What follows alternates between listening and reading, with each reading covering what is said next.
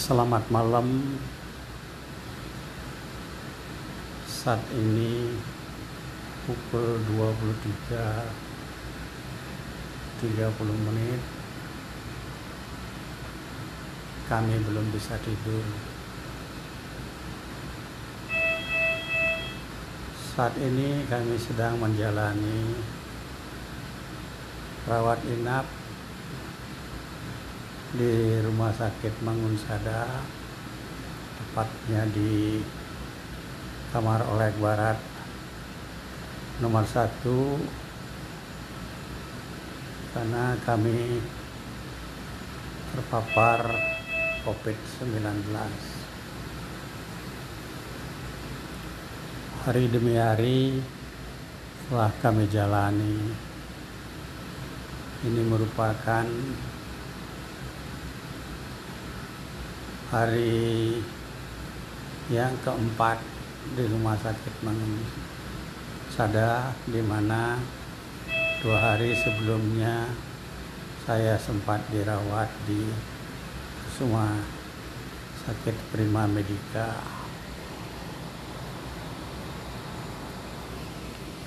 Pendengar setia Orkes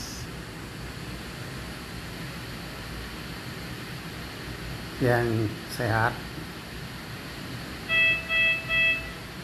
Saat-saat seperti ini tentu saat yang cakap yang paling sulit bagi saya karena harus sendirian di kamar perawatan di kamar isolasi tanpa ada seorang pun yang menemani kecuali perawat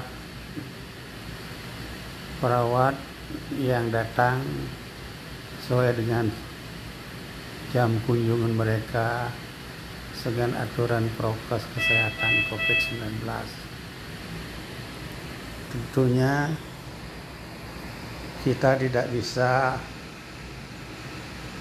minta bantuan kepada perawat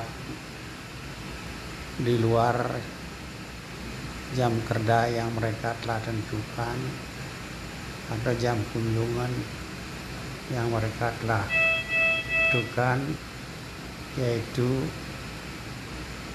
jam 8 pagi jam 10 jam 12 jam 5 dan jam 22 malam. Itulah saat kunjung daripada perawat dengan waktu yang sangat singkat sekali. Hanya mengantarkan obat. Namun kadang-kadang di sela-sela itu kadang-kadang impuls kita ada yang lepas impuls tidak bisa berjalan atau adalah hal-hal lain yang mestinya karena tidak bisa kita jalan sendiri tuh orang lain.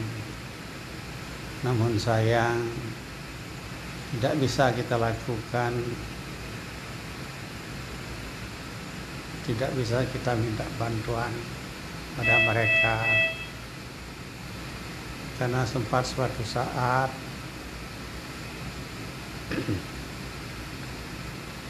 saya merasakan sakit kepala yang luar biasa.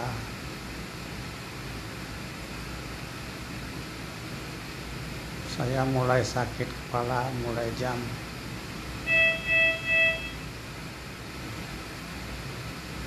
jam 6 malam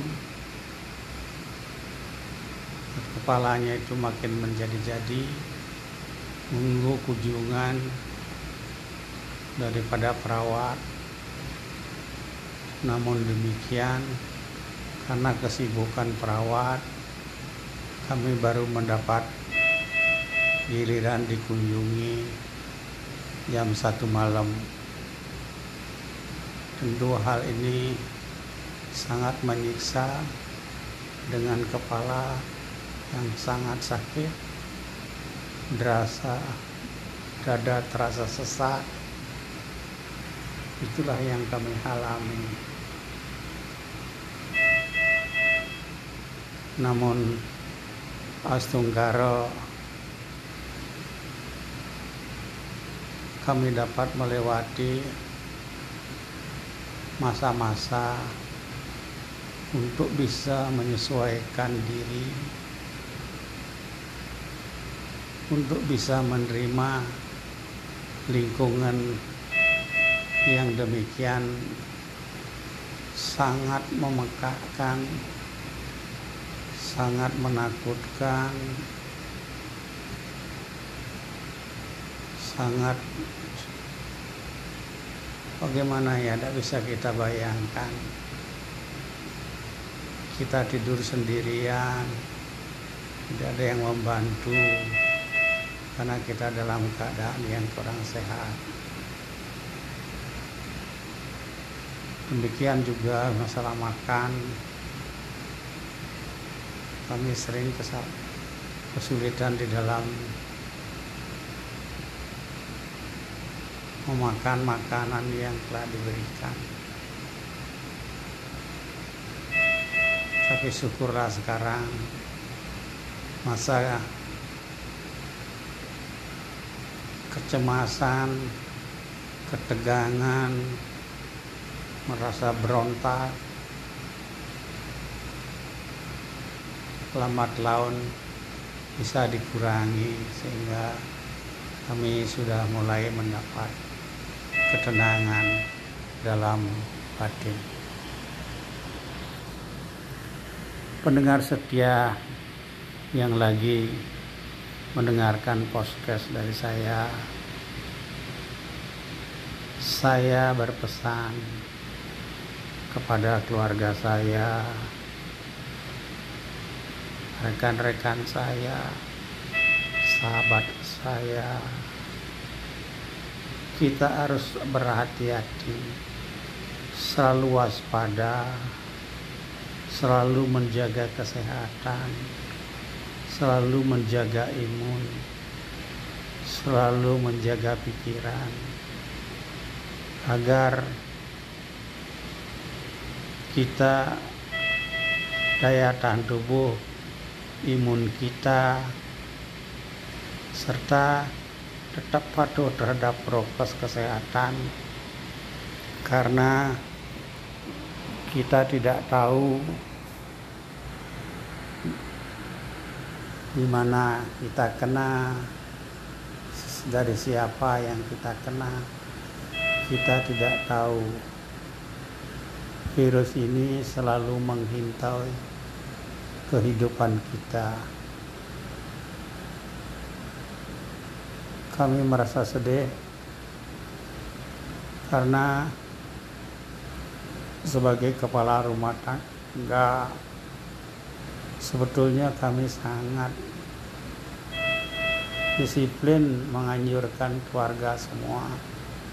Kami, kami adalah keluarga besar dengan beberapa karyawan kami baik karyawan penjaga toko penjaga warung penjaga salon membantu ngurus rumah rumah kos mengurus kebun ternak dan dan sebagainya. Sehingga kami bergabung banyak orang di rumah. Kita tidak tahu siapa dari mereka yang telah kena. Setelah kami kena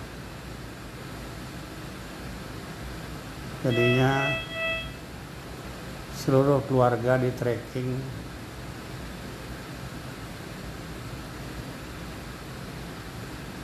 di swab akhirnya keluarga semua negatif.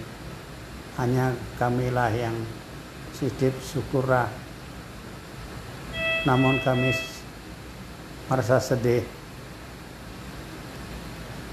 walaupun kami keluarga negatif semua hasil swabnya.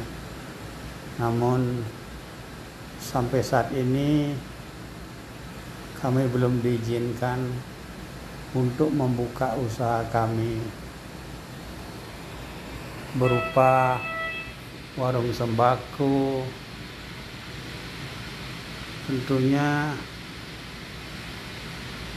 ini sangat merepotkan bagaimanapun warung kami itu merupakan salah satu daripada yang menunjang kebutuhan rumah tangga, kebutuhan tabur, kebutuhan gaji karyawan kami. Itulah kami merasa sedih karena harus mereka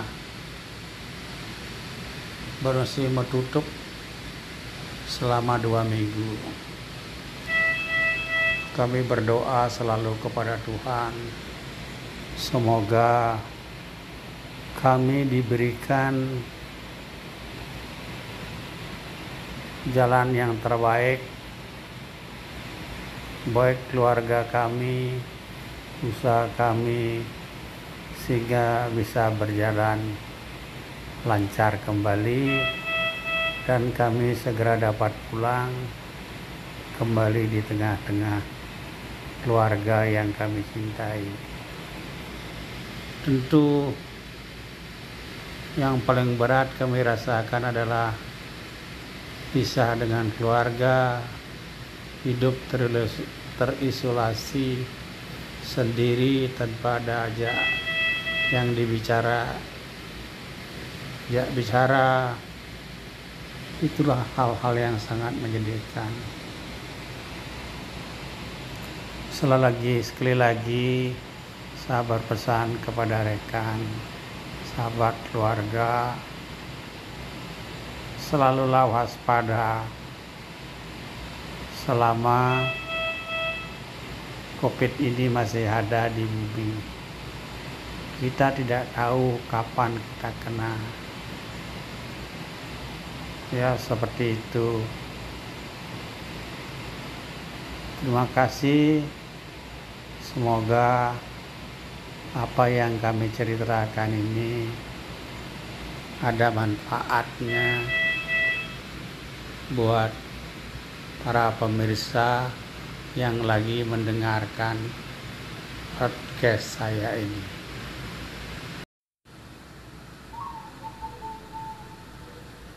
Selamat malam. Saat ini pukul 23.30 menit. Kami belum bisa tidur.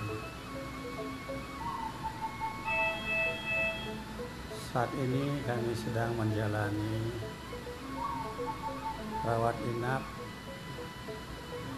di rumah sakit Mangunsada tepatnya di kamar oleh barat nomor satu. Karena kami terpapar COVID-19 hari demi hari telah kami jalani. Ini merupakan hari yang keempat di rumah sakit Sada di mana dua hari sebelumnya saya sempat dirawat di semua sakit Prima Medika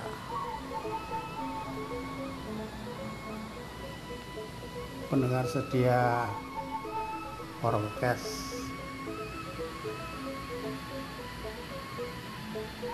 yang sehat.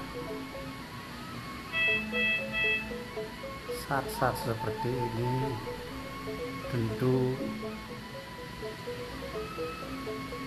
saat yang cakap yang paling sulit bagi saya karena harus sendirian di kamar perawatan, di kamar isolasi tanpa ada seorang pun yang menemani kecuali perawat perawat yang datang sesuai dengan jam kunjungan mereka dengan aturan prokes kesehatan COVID-19. Tentunya kita tidak bisa minta bantuan kepada perawat di luar jam kerja yang mereka telah tentukan atau jam kunjungan yang mereka telah tentukan yaitu jam 8 pagi jam 10 jam 12 jam 5 dan jam 22 malam. Itulah saat kunjung daripada perawat dengan waktu yang sangat singkat sekali. Hanya mengantarkan obat. Namun kadang-kadang di sela-sela itu kadang-kadang impuls kita ada yang lepas. Impuls tidak bisa berjalan. Atau adalah hal-hal lain yang mestinya karena tidak bisa kita jalan sendiri tuh orang lain. Namun sayang tidak bisa kita lakukan tidak bisa kita minta bantuan pada mereka karena sempat suatu saat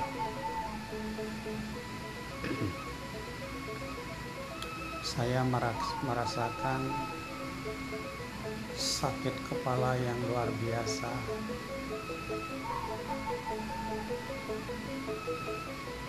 Saya mulai sakit kepala mulai jam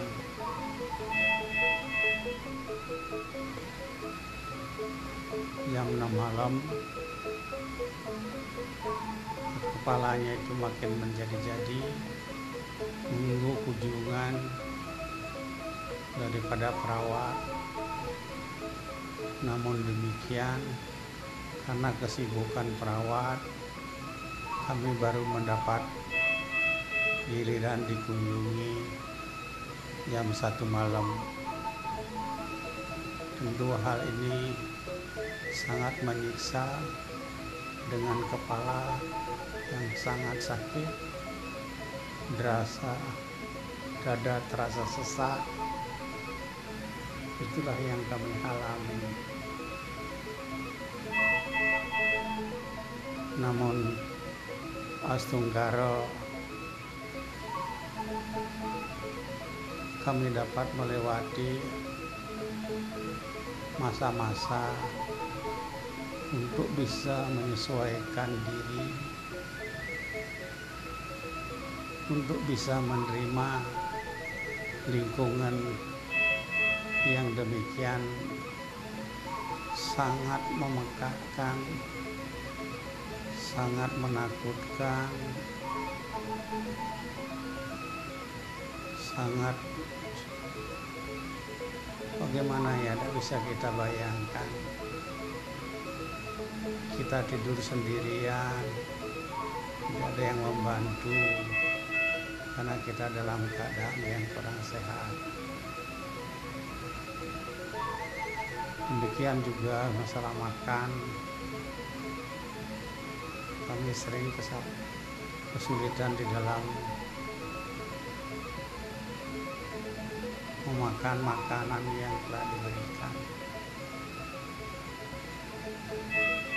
Tapi syukurlah sekarang masa kecemasan ketegangan merasa berontak. Lambat laun bisa dikurangi sehingga kami sudah mulai mendapat ketenangan dalam hati. Pendengar setia yang lagi mendengarkan podcast dari saya, saya berpesan kepada keluarga saya, rekan-rekan saya, sahabat saya, kita harus berhati-hati, selalu waspada, selalu menjaga kesehatan, selalu menjaga imun, selalu menjaga pikiran, agar kita daya tahan tubuh, imun kita, serta tetap patuh terhadap prokes kesehatan karena kita tidak tahu di mana kita kena dari siapa yang kita kena. Kita tidak tahu. Virus ini selalu menghintau kehidupan kita kami merasa sedih karena sebagai kepala rumah tangga sebetulnya kami sangat disiplin menganjurkan keluarga semua. Kami, kami adalah keluarga besar dengan beberapa karyawan kami baik karyawan penjaga toko menjaga warung, menjaga salon, membantu ngurus rumah rumah kos, mengurus kebun, ternak dan dan sebagainya. Sehingga kami bergabung banyak orang di rumah. Kita tidak tahu siapa dari mereka yang telah kena. Setelah kami kena jadinya seluruh keluarga di tracking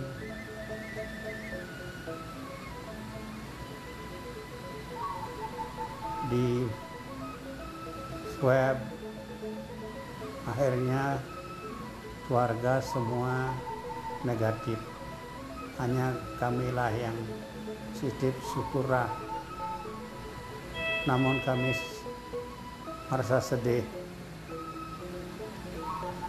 walaupun kami keluarganya negatif semua hasil swabnya namun sampai saat ini kami belum diizinkan untuk membuka usaha kami berupa warung sembako. Tentunya ini sangat merepotkan bagaimanapun warung kami itu merupakan salah satu daripada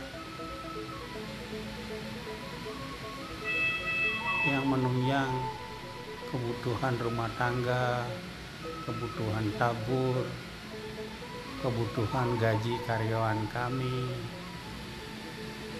Itulah kami merasa sedih karena harus mereka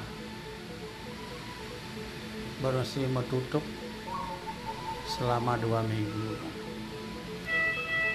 Kami berdoa selalu kepada Tuhan, semoga kami diberikan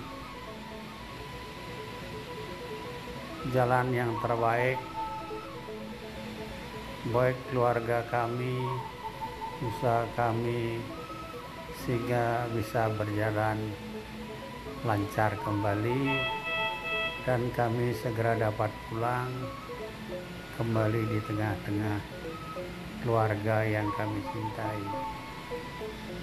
Tentu yang paling berat kami rasakan adalah pisah dengan keluarga, hidup terisolasi sendiri tanpa ada aja yang dibicara ya bicara itulah hal-hal yang sangat menyedihkan sekali lagi sekali lagi sahabat pesan kepada rekan sahabat keluarga selalulah waspada selama COVID ini masih ada di bumi. Kita tidak tahu kapan kita kena. Ya, seperti itu. Terima kasih. Semoga apa yang kami ceritakan ini ada manfaatnya buat para pemirsa yang lagi mendengarkan podcast saya ini.